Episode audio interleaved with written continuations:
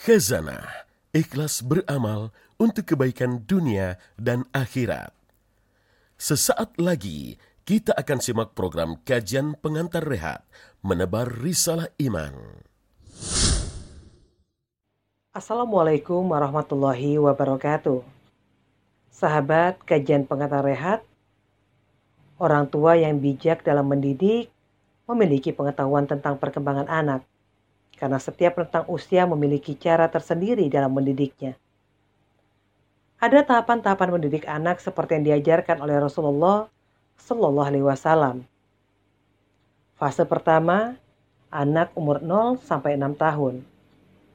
Rasulullah menyuruh kita untuk memanjakan, mengasihi dan menyayangi anak. Jadikanlah mereka nyaman bersama ayah bundanya. Mereka tidak pernah mendengar kata-kata kasar bentakan, apalagi pukulan. Pada rentang usia ini, Rasulullah tidak menyuruh anak-anak untuk sholat, tapi biarkan mereka melihat orang tuanya yang mengerjakan sholat. Anak dibawa ke masjid, misalnya untuk menyaksikan dan merasakan kenyamanan dan kecintaan berada di masjid. Suatu saat, Rasulullah lama bersujud. Rupanya cucunya Hasan dan Husain tengah menaiki pundak beliau. Begitu pula Rasulullah pernah memendekkan sholatnya karena mendengar ada bayi yang menangis dibawa oleh jamaahnya. Fase usia anak sebelum tujuh tahun adalah saatnya anak mendapatkan imaji yang indah-indah. Didiklah dengan penuh kelembutan bukan dengan bentakan. Tumbuhkan gairah cinta kepada Allah dan Rasulnya sehingga mereka memiliki imaji positif. Imaji positif juga bisa dibangkitkan dengan belajar di alam terbuka. Misalnya mengajak anak-anak untuk mendengarkan kicauan burung dan melihat cara burung terbang. Semua makhluk termasuk burung bertasbih kepada Allah Subhanahu wa taala. Pada saat itu, anak berada dalam puncak imajinasi dan alam bawah sadarnya masih terbuka lebar. Sehingga imaji tentang Allah, tentang Rasulullah, dan tentang kebajikan akan mudah dibangkitkan. Anak-anak juga akan lebih memahami melalui kisah-kisah inspiratif para nabi dan orang-orang soleh lainnya. Baru pada usia tujuh tahun, kita baru diperintahkan untuk menyuruh anak mengerjakan sholat. Hukuman terhadap anak hanya boleh dilakukan dengan fase usia tertentu, sebagaimana dijelaskan dalam sabda Nabi riwayat Ahmad dan Abu Daud dari Amir bin Suaib. Perintahkanlah anak-anakmu mengerjakan sholat di kala mereka berumur tujuh tahun, dan pukullah mereka, karena mereka tidak mengerjakannya di kala mereka berumur sepuluh tahun, dan pisahkanlah tempat tidurnya. Memukul yang dimaksud Rasulullah bukan dilandasi emosional atau kemarahan, tapi penuh dengan kasih sayang. Bahkan dalam hadis lain Rasulullah bersabda, Sebaiknya pukulan itu dilakukan tidak berkali-kali, hanya cukup satu kali saja. Hadis riwayat Bukhari. Ketika anak berbuat salah, sering kali orang tua terbawa emosi dan menasihatinya dengan amarah.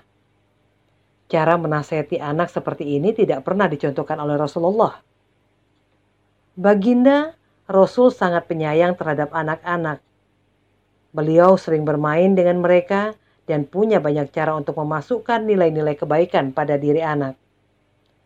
Rasulullah sangat memperhatikan beberapa pelajaran sesuai jenjang usia dan kemampuan daya pikirnya melalui dialog ringkas, langsung dan mudah dipahami.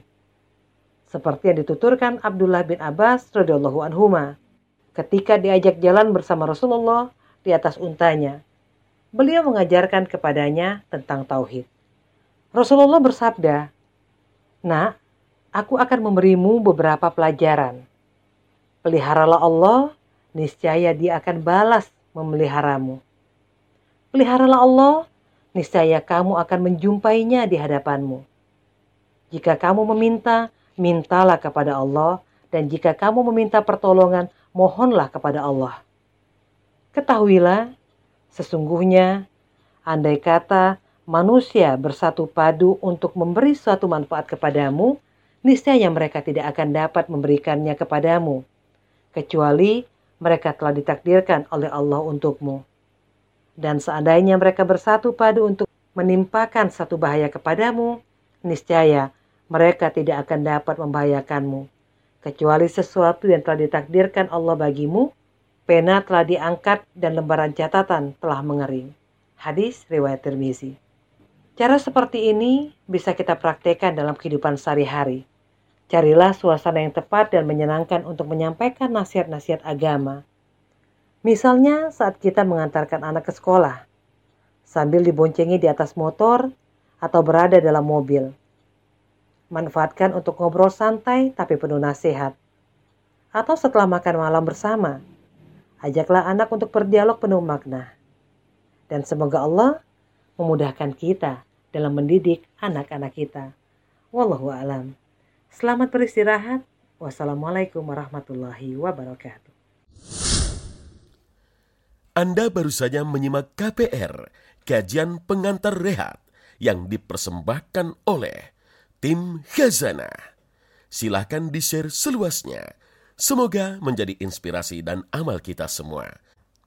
Barakallahu fikum.